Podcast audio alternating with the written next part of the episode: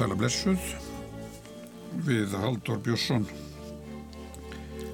Eigum hér áfram uh, samtal við góða gesti um lofslagsmál.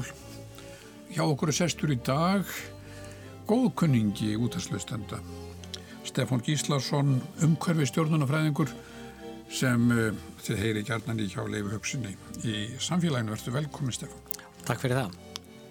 Velkomin Stefán. Eh, það má kannski kynna Stefán fyrir hlustendum. Hann er líffræðingur frá Háskóla Íslands og kláraði síðan eh, prófi í umhverfistjórnarfræði frá Háskólanum í Lundi og árið 2000 stopnaði fyrirtækið UMIS eða Environize sem er þá 20 ára núna og þetta fyrirtæki er umhverfis aðstóða fyrirtæki við umhverfistjórnun og gerir ímislegt. Stefán er, hefur tjáð sig um umhverfismál í, í ræðu og riti og, og hérna er mjög fróður um þau og, og við ákvaðum svona að tala við þig bæða því við höfum núna í, í tvo þættir reynd að ræða eins um lausnirnar á lofslagsvandanum og bæði þá svona frá hennu hagræna sjónarhóttnu og líka frá, frá viðskiptum og, og atvinnulífi. Og okkur dætti að það væri gaman að tala við einhvern sem hefði kannski aðeins víðara sjónarhórn á þetta gæti talað við okkur um lofslagsmálinn og umhverfismál í, í, í starra samhengi. Og, og það má kannski sko bara velta fyrir sig, við höfum vorum að ræða þó nokkuð mikið um það hvernig dröfum við úr losun. Og það má kannski velta fyrir sig sko hvort að þetta átak að draga úr losun samfélaga, hvernig það rekist innan svona hérna stóru myndar um umhverfis já, mál. Mm -hmm. Já, al, almennt tala má kannski segja um þetta að, að þetta átaka drá lósun það passar mjög vilin í heldamindinu vegna þess að oftast er það þannig að, að loslasárhefin þau eru svona samsíð öðrum orðum. Þannig að eitthvað sem er slemt fyrir loslaðir er, vendanlega líka slemt fyrir marga aðra þætti í umhverfinu en, en stundum getur þetta stangast á. Og eins og, og hvenar þá?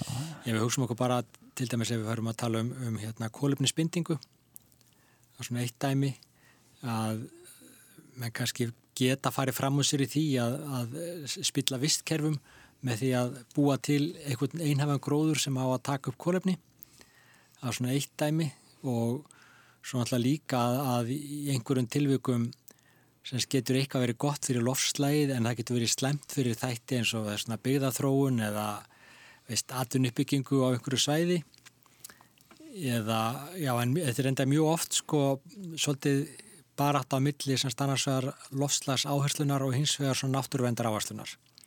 Dæmið um það geti líka verið að menn vanta meiri endur nýjanlega orku og ákveða að byggja vassafsískin sem að síðan sko færir á kaf einhvert land þar sem að þrýfst sjald, sjaldgefu gróður og, og svo framvegis þannig að þar eru menn eins og náttúrulega menn eru mikið búin að ræða á Íslandi alveg í ára tíu sko um þennan dans á milli þeirra jákvæðu aðgerðar að búa til lofstasvænu orku og þeirra neikvæðu aflengar sem það getur haft fyrir bara vistkerfi.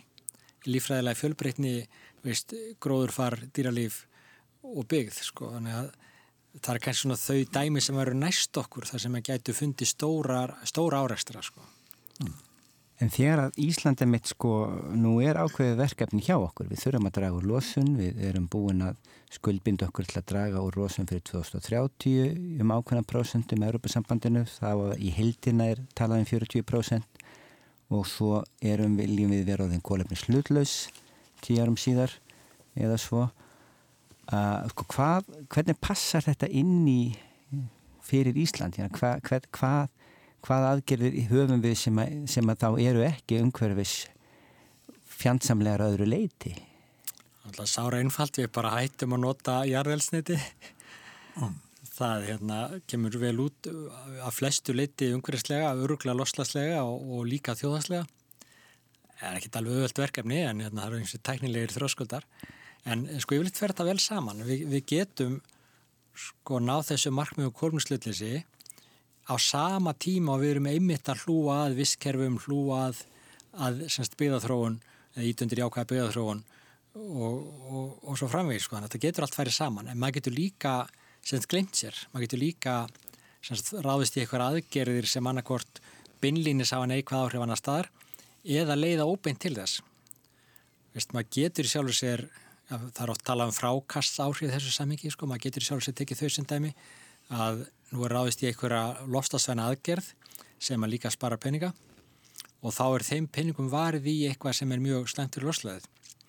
Þetta er svona, það er mjög öll að færa það niður á svona eigin fjárhæg, semst maður grýpur til einhver aðgerða, maður sparar eitthvað til þess að draga og losa um gróðslega og svo köpum maður bara flug til sjálf fyrir peningin sem maður sparaði sko.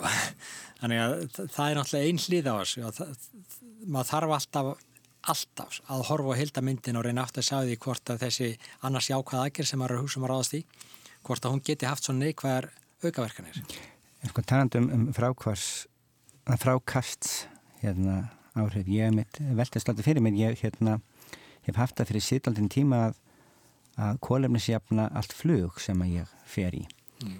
og, og var búin að finna ákvæmna leið til að gera það sem var að kaupa raun og veru eða styrkja ákveðna tegund af þróunarstarfi, þetta er allt vottað í bak og fyrir að nákvæmlega það sem er styrt það hérna dregur og losun.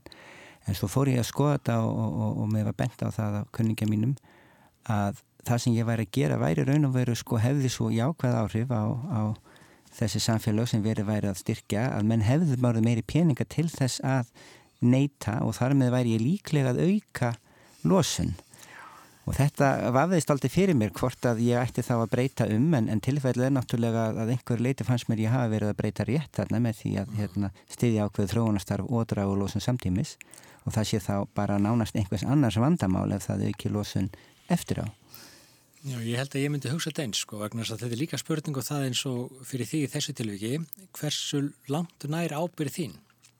Og þannig að koma líka inn í þetta síðferðilegi þættir sem komið auðvitað alltaf inn í svona umræðu eins og það, þú getur kannski fundið út að þessi best að halda í fjölskyldi í Ghana í sári fattakt þar sem hún getur bara notað hérna e, kóla eldavíluna sína til þess að hitta matinn og hitta húsið og svo degi allir fyrir aldur fram og hérna einhverjum lúnasúkdómum af því að kólaríkurinn er svo eitraður.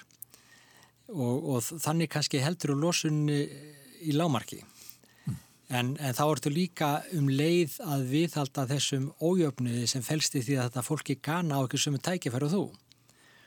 Og ef að þú stiðnum við að það geti fengið eitthvað betri eldavel þannig að það hérna, þar verði minni losun frá eldamennskunni og, og fólki kannski lifið betra lífi og, og verði betri helsu, að þá finnst mér alveg eðlilegt að líta svo á að það sé ekki á þína ábyrð hvað fólki gerir við þessi bættu lífskjörsin hvort að það kaupir þá flug til Íslands og, og hérna fer þá með markvaldan hérna ávinningin sem stekust að hlítum maður að þurfa að enda og það er mjög svolítið, hætt, svolítið hættuleg hættulegt viðþorf þó að þetta stangist náttúrulega einhverju liti á. Það svolítið hættulegt viðþorf á okkur sem búum á Vesturlundum og, og lifum í velistungum praktúlega að, að við þurfum að forðast að gera einhverja aðra sem hafa það mjög skýtt ríkar en þeir eru, þá fari alltaf stað sem er segjað sko hvað gerist ef allir hérna indverið að fara að nota klóstpapir eða mm. veist eitthvað já, já.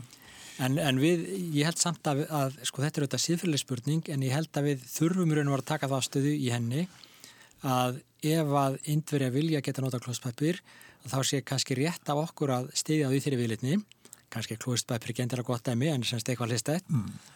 og það sé síðan sem sagt uh, maður verða að taka út fyrir svíga hættun á að þeir misnótin að gæsala på þess ákjósanlega aðstöðu sem þeim er það allt inn sköpuð. Í staðin ætti maður að hugsa hvernig getum við e, sko haldið á framtekki næsta skref og hjálpa þeim til þess að gera ekki sömu mistök og við gerðum þegar við vorum á sama stað í þessari þrónabröð að byrja að nota klostpæpir að hvaða gæði það sem annars eru sem við erum að tala um. Sko. Þetta krefst náttúrulega mikil stróska og sannilega miklu meir en við getum reikna með hjá, hjá fólki við leitt. En þetta minn, reyndar, þú nefndir áðan Stefan þetta með þetta samhengi að, að við rættum hérna við Solveig Önnu Báastóttur hérna fyrr eða múnum daginn sko um þessa hugmyndum um sko mannmiðlegnina sko hvort við erum að tala um um þessi mál út frá manninum eða út frá náttúrunni mm. eða þessum út frá Guði eða í það fyrir en, en um, og, og sko og þegar og segjum að ef við ætlum að, ef, ef við erum sammálum það að, að við ætlum að miða við náttúruna sjálfa burt sér frá manninum en þá eru þau einmitt eftir þessi síðferðilegu vandamál sem þú nefnir að, að staða, segjum að við setjum svona slæjum striki undir stöðun eins og hún er í dag og segjum nú ætlum við að hugsa engöngu um náttúruna. Sko, en þá kemur þetta þessi gríðarlegi munur sem er á aðstæðum fólks já, já og þá náttúrulega kemur þetta sko, þetta er náttúrulega svolítið eins og að vera fyrstur upp eitthvað stiga. Og síðan hérna tekum að stiga með sér sko. Og, og þannig hínu verða bara að vera áfram að það niðri. Já, já. og það er bara máturlegt á það þeir voru svo vilsir að það fari ekki strax í eitthvað stiga. Já, sem er áttur endur ekki til en, þannig að ég held sko ef, ef við tækjum þetta alveg út á enda bara þess, þessa svona, eh, til þess að gera heimsbyggilugu vangavelt um það hvort að nálgun okkar sé mannmiðuð að náttúrumiðuð ef við tækjum þetta bara alveg til enda og segjum bara hvað myndum við gera ef við værum bara úr þessu náttúruna þá er fyrst í hlutina sværun að segja það er allt og mikið af fólki á þessari jörð Þannig að það getur vel verið að þessi gendilega indverjarnir sem þurfa þá að fara eitthvað annað, heldur við þurfum bara líka að gera það. Veist, náttúran getur vel lifað á mannsins, maðurinn getur ekki lifað á náttúrunar. Þannig að það er einlega til að segja að við getum í raun og veru ekki, ef við hugsaum þetta til enda, þóst vera með algjörlega náttúrum í það nálgun. Við erum alltaf menn og við einhvern veginn erum ekki tilbúin til þess að, að hérna, fórna mannkininu í þáu náttúrunar þó það veri kannski sko góð hugmynd sko ef við hugsaum bara um náttúrunar. Við hefum ekkert að gera það sko. En hérna, já, ég er ekki alveg, alveg sáttur við, við vangaveltur um að forna mannkinninu, en hérna... Að það er enginn síðan það sko. Það er sennilega enginn sko. Og þess vegna erum við pínlítið mannmiðið í þessu. Já, já, og kannski verðum það alltaf óhjákvæmilega sko, en, en það má samt sko, af því við erum að tala um losunarmál og, og, og, og við höfum komið hérna inn á þetta, hvað hva dregum mærilega ramman í kringum losun og kringum umhverfis áhrif og slíkt og maður sér þetta oft þegar við erum að ræða já, úttektir og, og nú hefur fyrirtæki þitt komið að svona úttektum þar sem er rætt um kólefnisfótspor, einhver aðila hvað er kólefnisfótspor ákveðins yðnaðar, söðfjárræktar eða, eða eitthvað slíkt mm. þá er alltaf spurningin sko, hvar, hvar hætti maður að skoða ég heyrði einu sinni mann fullir það að, að upplástur væri í sjálfu sér þitt besta mál því að hann þykji efn út á sjó og það myndi það kvata hérna myndun þörunga og það er meiri kólumins upptaka þess vegna. Ég reyndar, fekk hefur nú aldrei fengið þetta staðfest og, og trúið þessum átulega en, en hérna en það breytir því ekki einhver stað hljótum við að þurfa að draga línuna, einhver stað að því við gerum svona mat á kólumins fótspóri einhvers til þess að geta dreigið og losun, þá hljótum við einhver stað að draga línuna. Já, já, það, semst, í þessari vinnu við að reikna kólumnisspór einhvers eins og við höfum ekki verið að fást við ég og samstarfsfólk með þetta að þá er maður alltaf í þessum, þessum vanda. Þetta er alltaf spurningum það sem við kallum kerfismörk. Hvað er það að fara langt aftur í tíman eða hvað er það að fara ofarlega eða neðarlega í virðiskeðinu, en við vilja segja það. Til dæmis, tökum við sem dæmi bara eitthvað sem allir þekkja. Það er, það er bara bensin og bílinn. Veist, nú ætlum ég að reikna losum frá þessum bíl og það er alveg til tala fyrir það. Veist, bensínbílar þeir losa sem það bíl uh, hvaðra 2,3 kíló á koldioksiði fyrir hvert lítra bensinni. Mm. Það er bara þannig, það er nánast bara efnafræð og menn hakka því ekki neitt.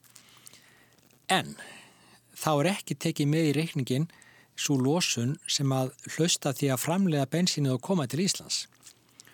Það er svo sem ekki rosalega mikið en það er svona meðaltal eitthvað í kringum 300 grami viðbót. Þannig að við erum ekki þá að tala um 2,3 heldur allavega 2,6. Mm. Þannig að þetta er náttúrulega mjög svona einfalt og afmarkadæmi en við erum alltaf í þessum vanda hvað, hérna, hvað eins og þú segir og það, það er alveg sama hversu mikið sérfræðingur maður er að maður er alltaf í þessum vanda hvað maður að fara langt. Og sama er með ef að þú ferð að velta fyrir þér sagt, áhrifum þess að þú kaupir í einhver verkefni til þess að skaffa betri eldavélar í Veist, hvað átt að taka það langt?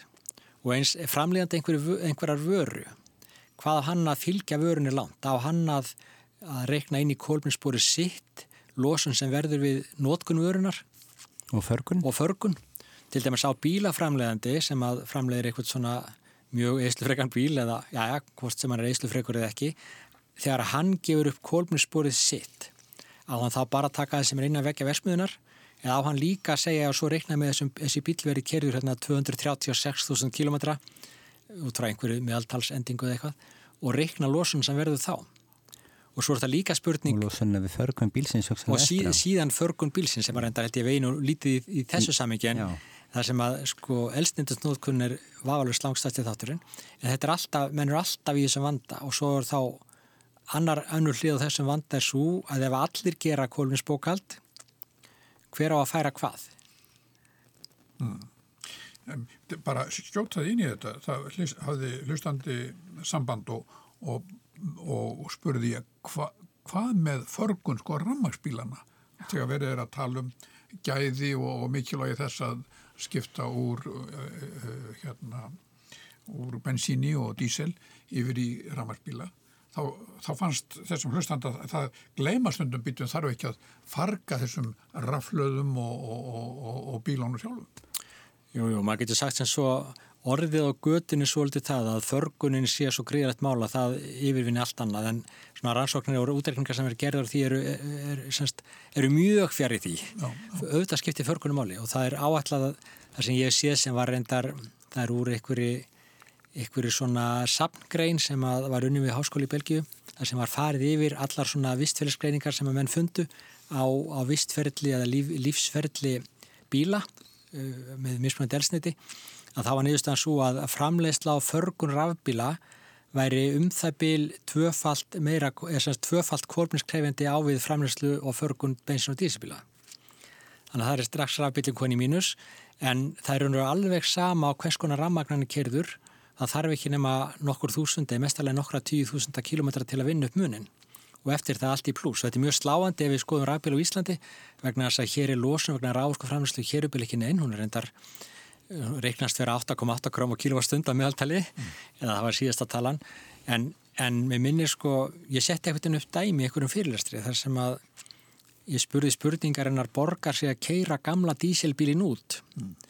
og svo gaf ég mér það að bíleigandin hefði fengið e, tíu eða eitthvað, ég man ekki hvað var mörg tónn, allan ekki fengið hérna hvort hann fekk 100 tónn eða 10 tónn, hann fekk, fekk semst ákveði mörg tónn bara kvóta, þetta er bara að þú fær svona Já. marg mörg tonna koldioksið ígildum, sennilega voru það bara 10 tonn og, og svo skattu bara reikna hvað þú kemst lánt mm. og í þessum tiltekna útreikningi þá, þá dugði sem sagt kvótin fyrir e, gamla dísilbílinn sem var enda búið að framlega hann dugði í ekkur 2-3 ár en hann dugði 16 ár fyrir rafbílinn sko.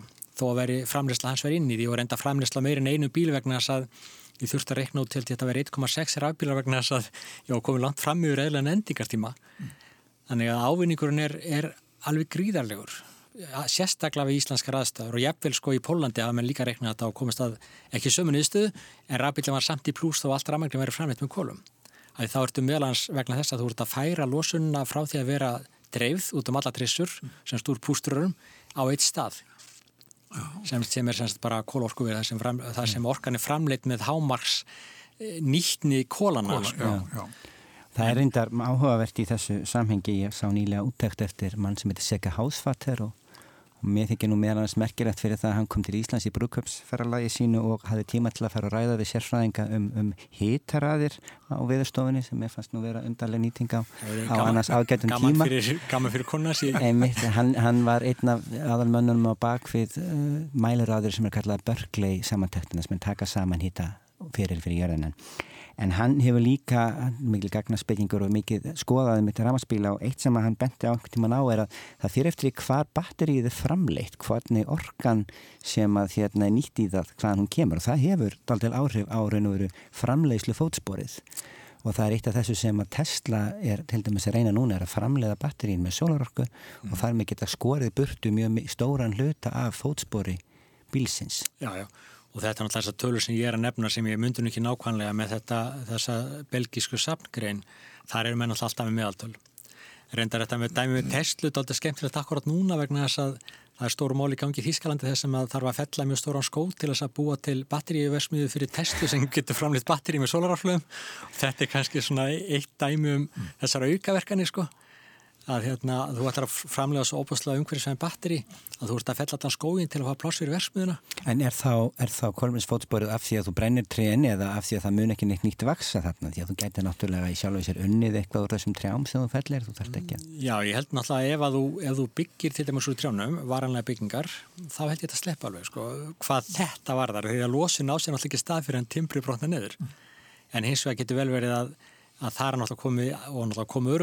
að losin á sér náttúrulega ekki stað fyrir en timbri brotna neður. Mm. En hins vegar getur vel verið að að það er náttúrulega komið og náttúrulega komið öruglega aðrir umhverjir stættir inn í myndina eins og lífræðileg fjölbreytni vegna þess að í þessum skói er ekki bara tré heldur eitthvað mjög flóki vistkerfi sem að þú ert á að, að útrýma í raun og veru þó notið noti timbli í byggingar sko.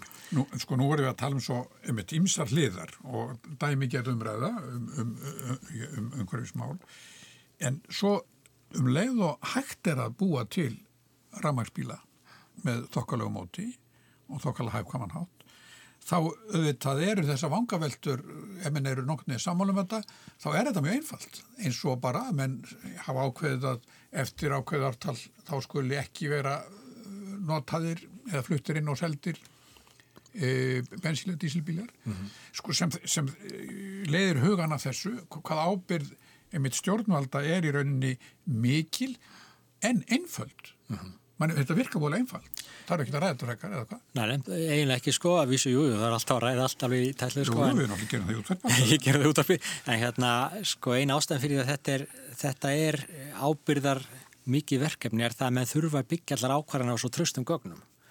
En svo til dæmis í því ákveða hvers konar bílaflotni á helst að vera í einhverju landi, það þarf að byggja og menna hafa reyndar í þessu dæmi sko mjög góðar tölu til að byggja á og það sé góð hugmynd lofslagsins vegna að hafa stærra hlutvatar afbíla. E, Hittir svona mála það er náttúrulega, maður getur rætt um allt í þessu eins og bara dagsetningar, veist 2030 er það gott ártal og þarf að gera eitthvað meira. Mjög mun þetta gerast, semst ef við segjum bara að það verður bannað að selja nýja dísil- og bensinbíla 2030, verða er seldir alveg bara eins og ekkert sé þanga til og svo hættir það bara á gamlarskvöld 2029 mm. kannski, kannski ekki. Og nú ætlum við samtímis að koma með skattaívillanir og hafa þær hafi verið gildi nokkur ár fyrir rafbíla til að gera þá samkeppnishæfari.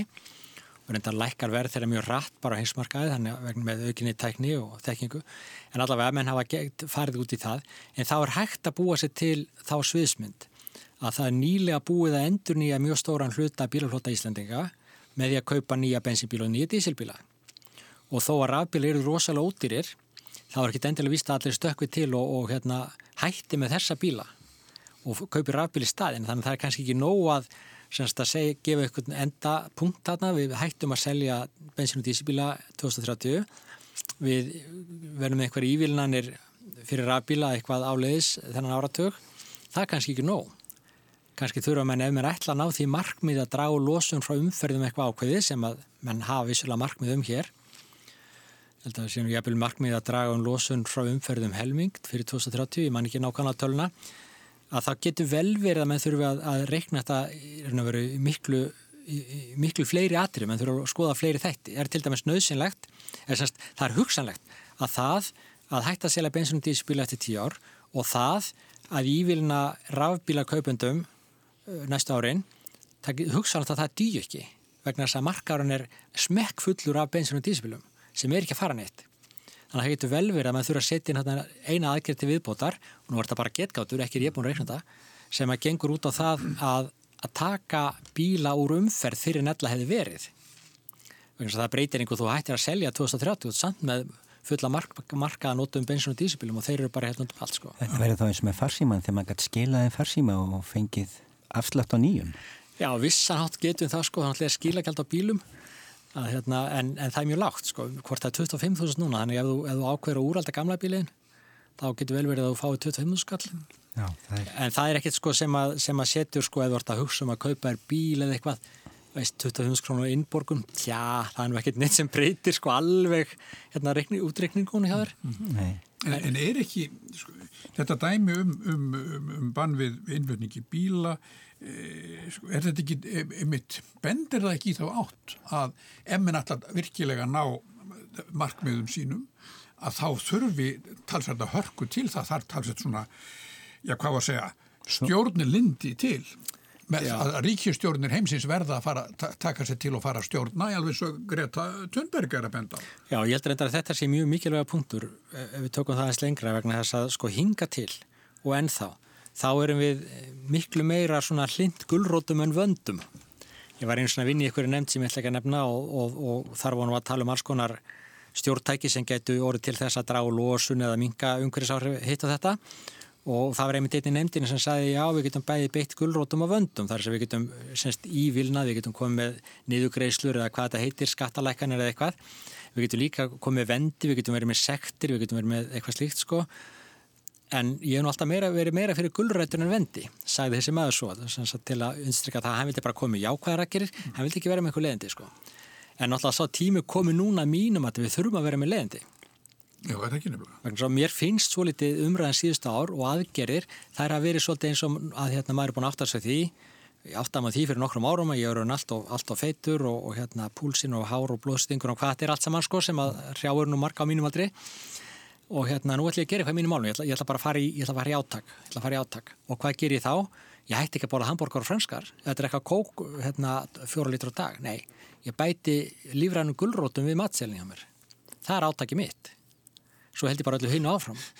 Og mér finnst við það að verið sem, sem þjóð og reyndar bara eh, sem heimsbygg sko, svolítið þessum, þessum sporum að við erum bara með gullrætur kannski ekki alveg svona bitni merkingu að við ætlum að fara að borða lífranna gullrætur viðbótið við alla óhóllustuna en svo litið í sömu sporum að það að bæta lífrænu gullrótum við alla óhóllustuna, það mun ekki bæta hilsu fara okkar neitt. En við þurfum að hætta einhverju sem við erum að gera, sem við erum vöna að gera og finnst vond að hætta. En er þarna ekki, þarna boltin, einmitt, er hann ekki tóltið að hjá ykkur sérfræðingunum í þessu? Eru þið ekki alltaf kurtis? Sko, Bara bergi, vantar ekki að þið bergi miklu meira betur í borðið eða fastir í borðið og segir þetta helvíti gengur ekki? Já, sko, þetta, reyndar, þetta kemur inn á anna, enn annað að sem sérfræðingur þá velum að sér kurtisisgráðu sem að telur að sé sko skinsamleg. En er, það, er það skinsamlegt í þessu samhengi? Ég ætla ekki að fullur um hann. E, ef að ég sem sagt, ég, ég tel mér vera mjög kurtisan mann í þessar umröðu en auðvitað getur hver haft sína skoðan að því. En um leiðu ég fyrir að berja í, í, berja í borð og skella hurðum og, og, og velta hérna um húsgögnum og, og segja allir sér fíbl, mm. að þá er hættið semst að, að dagar mínir í, í ráðgjöf séu taldir.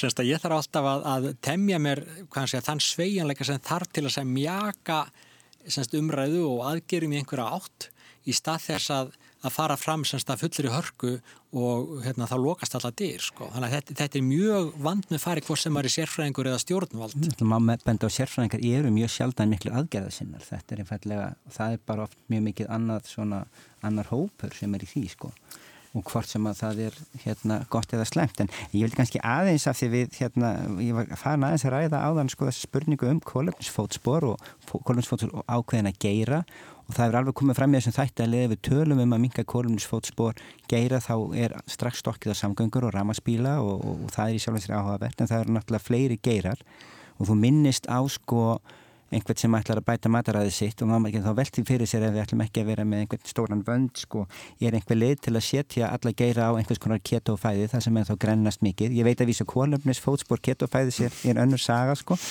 en hérna en, en er til eitthvað sko einhver ketoaðferð fyrir hérna fyrir aðra geira, fyrir landbúnað fyrir, fyrir, eða fyrir fólk almennt?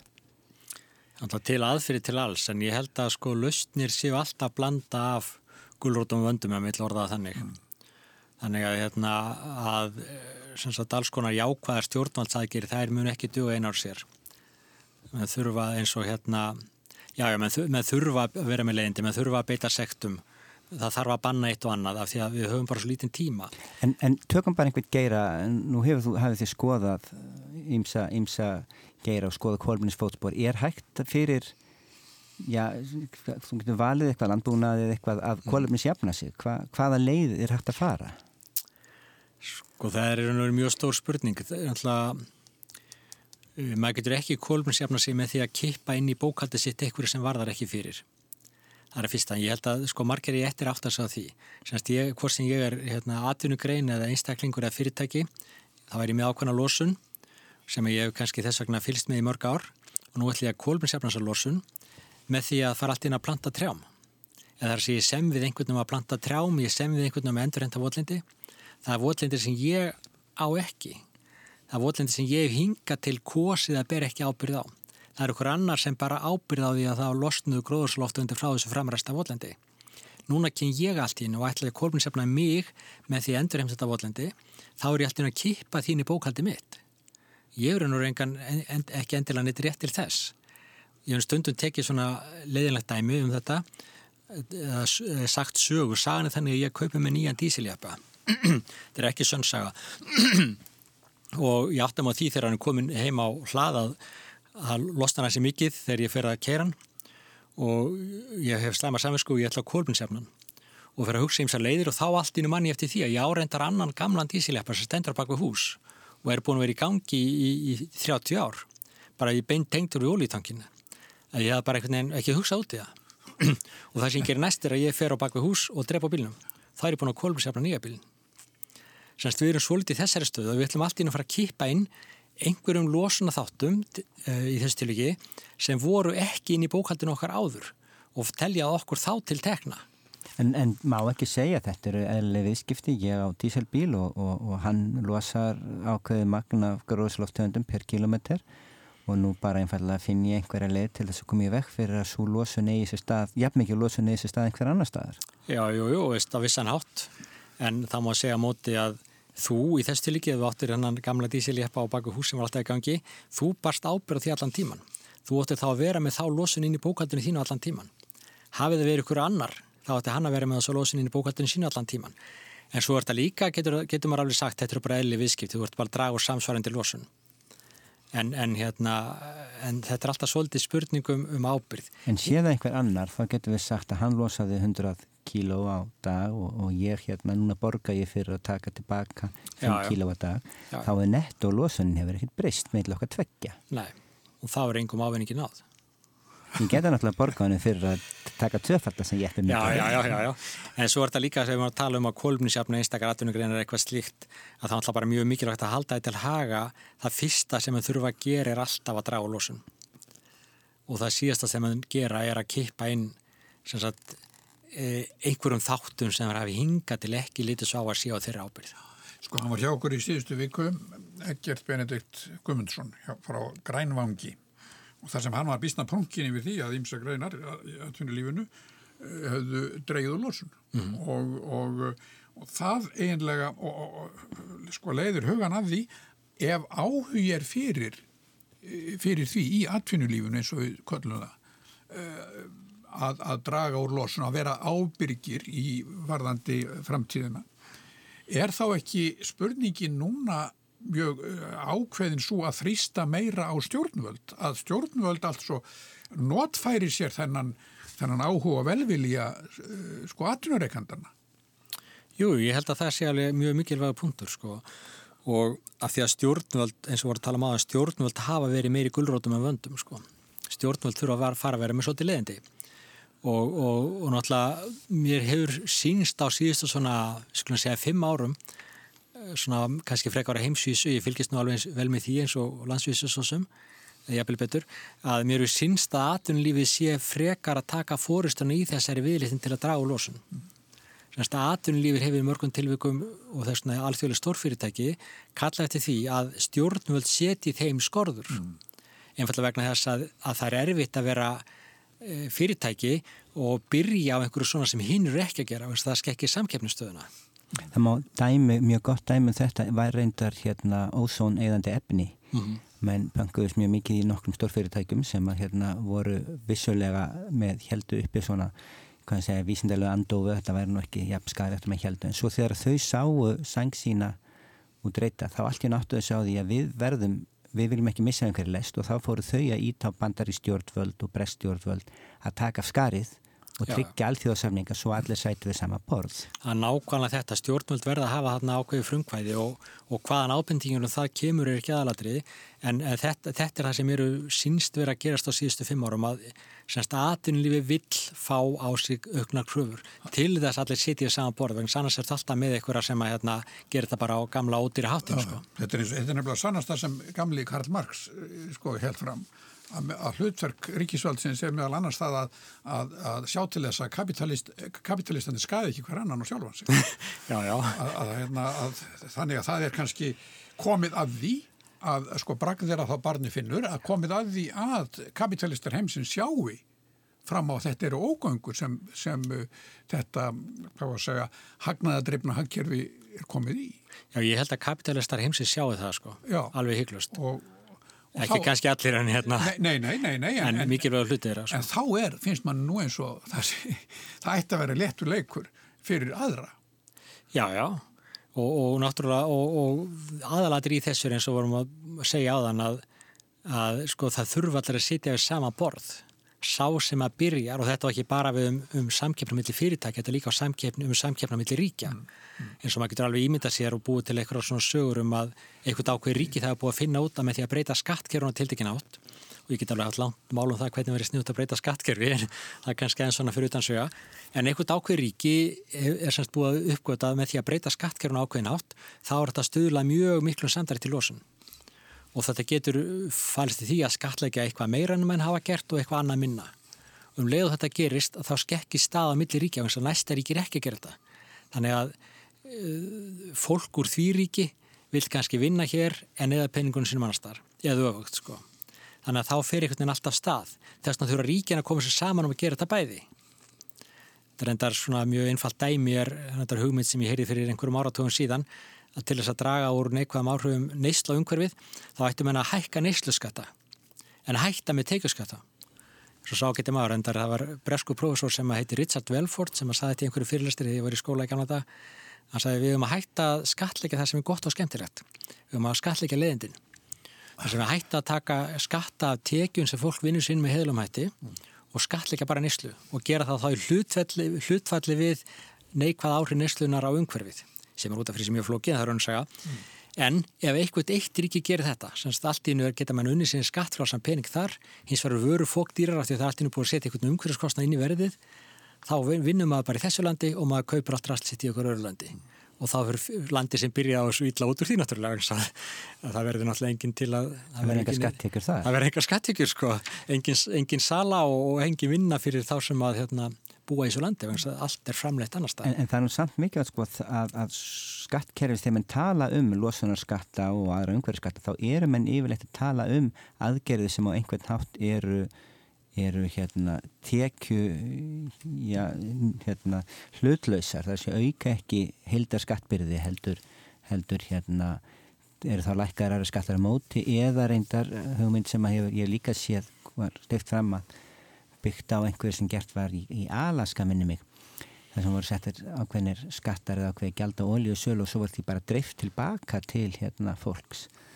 Þannig að þá mærur með neyslu skatta en menn fengur síðan alltaf tilbaka en ákveðanlega sömu upphæðu var afláð ég reyndar hef aldrei almenna skili hvernig slikt á að draga úr neyslu en það er, það er önnur saga en það minnst kosti þá ekki tekju, tekju hérna, það, það, það eigur ekki heildar skattbyrðina Nei, nei, þetta, þetta tengist öðru sem er hérna svona eirnamerking skattekna sem er mikið bannorð á Íslandi. Og, og semst, það væri hægtan á árangri sko það er verið að leggja á Íslandi að verið að leggja á alls konar umhverjastengta skatta eins og það er verið að leggja kolminskjald á elsneit og eitthvað. Mm.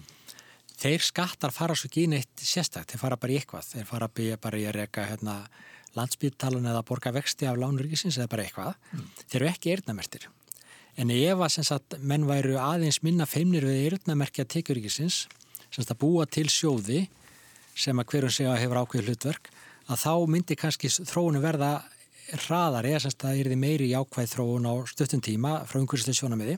Það er til að spara það ef að kólminskattar sem eru náttúrulega upphálega fræðilega séð hugsaðar til þess að innlima umhverfiskostnað af því að nota elsniti í verð elsniti sinns þannig að menn bara, ok, veist, bensín er rosalega dýrt. Það er af því að það hefur svo mikil neikvæð áhrif umhverfi, ég ætla samt að kaupa því það er bensín á bíli minn, það er bara ákvörnum sem að tekur. En þá er það orðin þarna til peningur sem að ætti kannski frekar að fara þá í einhverja aðgerir til þess að draga úr þessari óæskilu neyslu hver sem hún er heldur hann að fara bara í, í ríkiskassan eins og hverjara skattekjur semst að menn hafa verið mjög treyir til að að greina á milli annars vegar eh, almennara skatta eins og, eins og, eins og tekið skatts og hins vegar skattlagningar á einhverja tiltekna tekjustofna sem eru uppálega allavega í orði hverðinu eh, búnir til eða settir á til þess að breyta nýslu. Mm. En svo er semst fjármundin ekki nota til að breyta þessari nýslu. Það er bara skatturinn sem hefur alveg sína áhrif. Veist? Það er einhver vara sem hækkar að þú ert búin að leggja á einhvert umhverfiskjald, þá drefur úr nýslu á henni en, en þú gætir sko markvælt áhrif með því að taka síðan þessa fjárhæð. Ég er ekki að segja þessu sömu seðladnir en það er líklegt að það sé ekki borga með hérna klingi sko, en þú tekur þessu sömu fjárhæð og notar hann í þennan málflokk þetta hafa menn mjög lítið vilja að gera hér og reyndar er einmitt einmitt kólminskjöldu elsneitt eru dæmið um það. Mm -hmm. ef menn fær að reikna út sko, ef maður gæfi sér það að öll þessi kolumniskjöld ætti að fara til eh, verkefna og síðu lofstafsmála sem að þeim fræðilega síður eiginlega ætlað að gera vegna að þú leggur þetta upphálega á til þess að innlima þennan lofslagskostnað í verð elstindisins.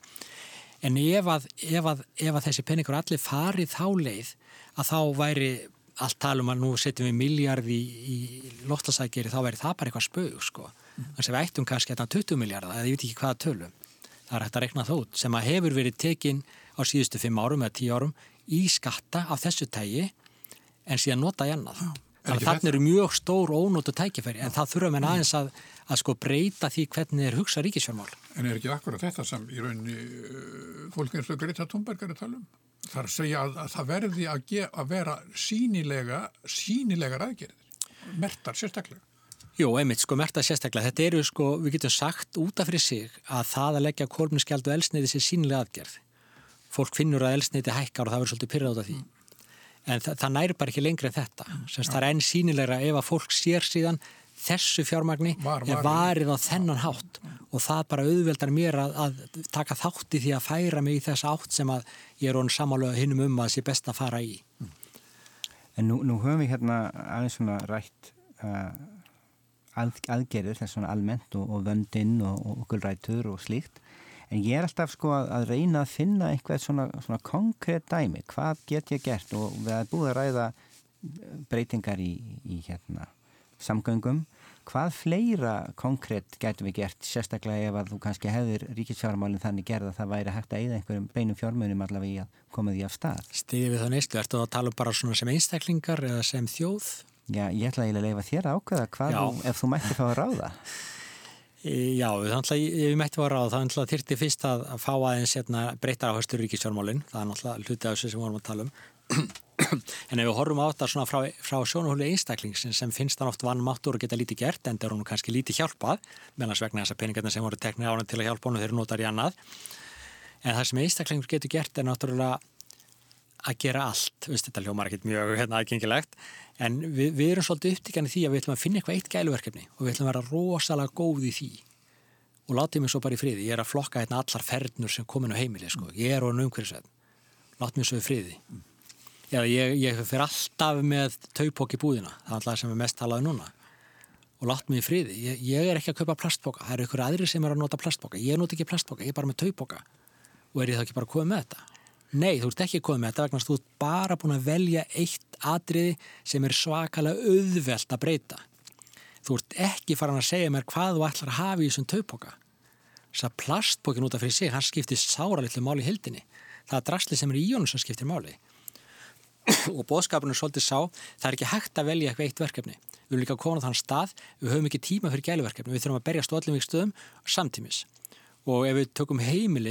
það var einu svona gefn út skísla í Svíþjóð eh, fyrir mörgum árun sem hafi yfirskriftina bílinn, biffin og bústatin sem að í lauslir í íslenski þýðingum myndi hljóma e, bílinn, buffið og bústæðurinn.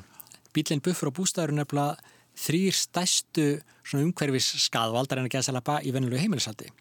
Það er að segja bílinn, það er að segja ferðarlega hestar, e, buffið sem er það matur, maturinn sem að borðar og bústæðurinn sem bara rekstur húsnæðisins. En fjórða bíði þessu væri byggsona, sem sagt byggsurnar að, að fata, fata nýstla eða textil nýstla er líklega fjörði eða sem teitna fjórun stæstu þáttonum í venjulegu heimilsaldi sem hefur mest áhrif á loslæðið. Þannig að ég geti sagt til fólk byrjið að, að skoða hvað þau eru að gera með bílinn, buffið, bústaðan og buksurnar. Hendið buksunum og farið í taupókan út í, farið í taupókanum. Já, saumið endurlega taupók og buksunum þegar það hættar að nota en ekki fyrr vegna þess að... En þarna erum við þá að tala um að velja sér fött sem að nýta endast á lengur, ger ég það fyrir? Bara að kaupa minnadrast, það er bara svona... Kjömi, það er, stu, er stuttabúðarið og það er gildið fyrir alla þessa flokka. Sérst, hættið að kaupa óþarfa. Það er stæsta, held ég, framla nokkus manns til, til lostasmála, sko. En nú er þetta, sko, langar aðeins að koma að þessu með miðlunina, sem við erum hér að ræða lofslagsmál hér vikum saman og það er, og það er svo margt og hættan er svo eins og þetta sem Andri Snær kallar söð, það verður svona söð að það verði talað um þetta á, á ýmsum mennur að leika sér allskynst tölum og uppsetningum og verða að ræða hlutina mm. en síðan koma svo er sömt sem er svo ógagsætt menn það eru, það eru tölur til dæmis um hvað er þetta upprunna ábyrðir og ímislegt sem er til, til að flóki fyrir almenninga eiga við og við kannski getum ekki farið út í hér en svo eru líka koma annars slægið inn fréttir af skýrslum sem kom út og þær eru, þetta gerist hvað þetta er annað þetta og, og alltaf skuggalega margar.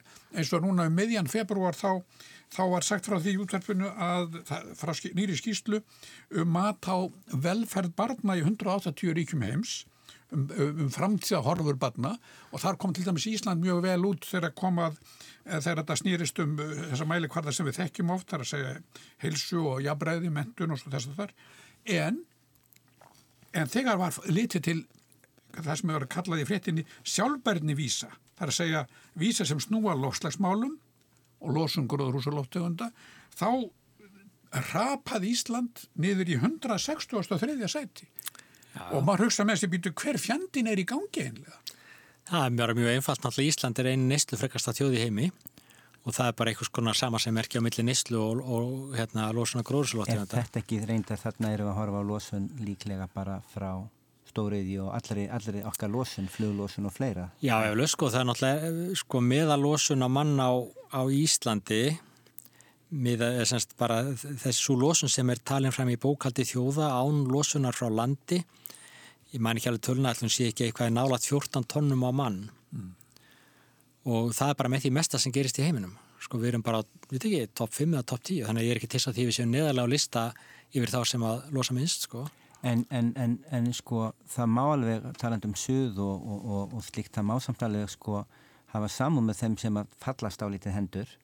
Uh, og það og kannski bara taka að sér einhverja einfalda aðgerð þá til þess að gera eitthvað en, en þú segir gera allt þannig að við getum kannski þá sko að komum aftur að þessu hvað, maður, hvað getum við gert sko mm -hmm.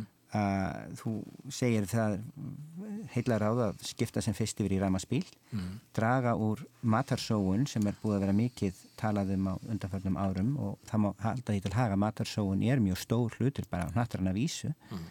uh, draga síðan úr fatasóun uh, hvaða er þetta með, með, með bústæðin hvernig hérna Sko bústæðar við hefur kannski ekki eins þungt í íslensku sammingi eins og í svensku sammingi vegna þess að við náttúrulega notum nánast engungu endur nýjanlega orku bæði til ljós og hitta mm. en það er náttúrulega minnst þetta annað bara eins og val á byggingarefni veist, val á alls konar viðhaldsvörum og svo framvegis sko. það er náttúrulega skiptir máli hvað er valið En, en, en þá komum við aftur að þessu við erum aðeins tæft af þessu þegar við rættum um, um díselbílinn sem þú ert með að bak við húsið þitt í mm.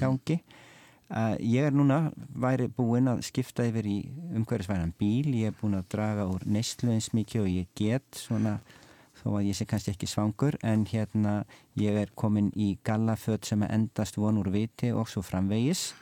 Eða leðurböksur eða eitthvað annað sem endast mjög lengi. Það er áfram einhver lósun sem fylgir mér. Eh, ertu þá á ég að jafna hana? Hvernig á ég að planta trjám? Hvað, hvað er til ráða? Ég held að vera að jafna hana sko viðfóðsefni er einhvern veginn, þú, þú ert hljóðinlega búin að gera mjög vel, þú ert búin að draga úr allir lósun sem getur hugsanlega fundið út og getur, getur dreigið úr, reyndar yfirsérst mönum oft einhverju svona óþarfa munir eins og bara eitthvað, eitthvað plastskraut eða ég veit ekki hvað kertastekar og stuttur sko. Það fylgir þessu öllu einhverju lósun bara kaupa minna drast, kaupa minna dót. En, en svo þegar þú ert búin að ná semst þessum árangri og þetta komin í slant eins og þú mögulega getur þá áttu endilega að reyna kólprinsjafn afgangin með einum öðrum hætti, bara taka þátt í einhverjum verkefnum, hvað sem það er að planta skóið endurrenta votlendi eða útvega hérna, betri eldavela fyrir fjölskyttur í kanna eða hvaða nú er sko. Eða loka, en að loka stóriðunni. Það er að segja, þurfum við ekki að hugsaða málið í heild? Jú, við þurfum líka að gera það sko. Það fyrir alltaf eftir í ákvaða sviði við erum, hvort að við erum að hugsa þetta sem einstaklingar.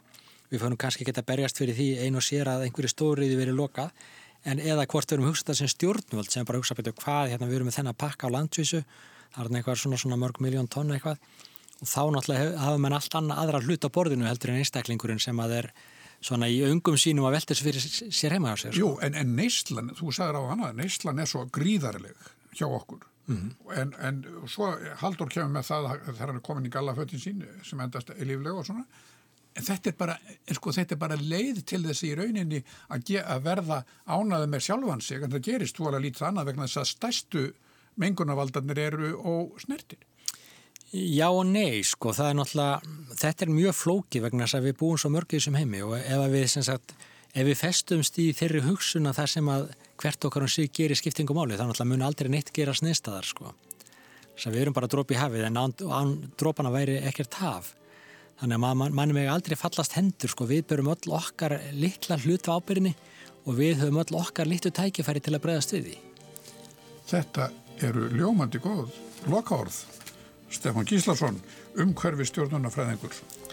Bestu þakki fyrir að, að koma og hitta okkur Haldur Björnsson og hlustendur á máli. Já, takk fyrir mig.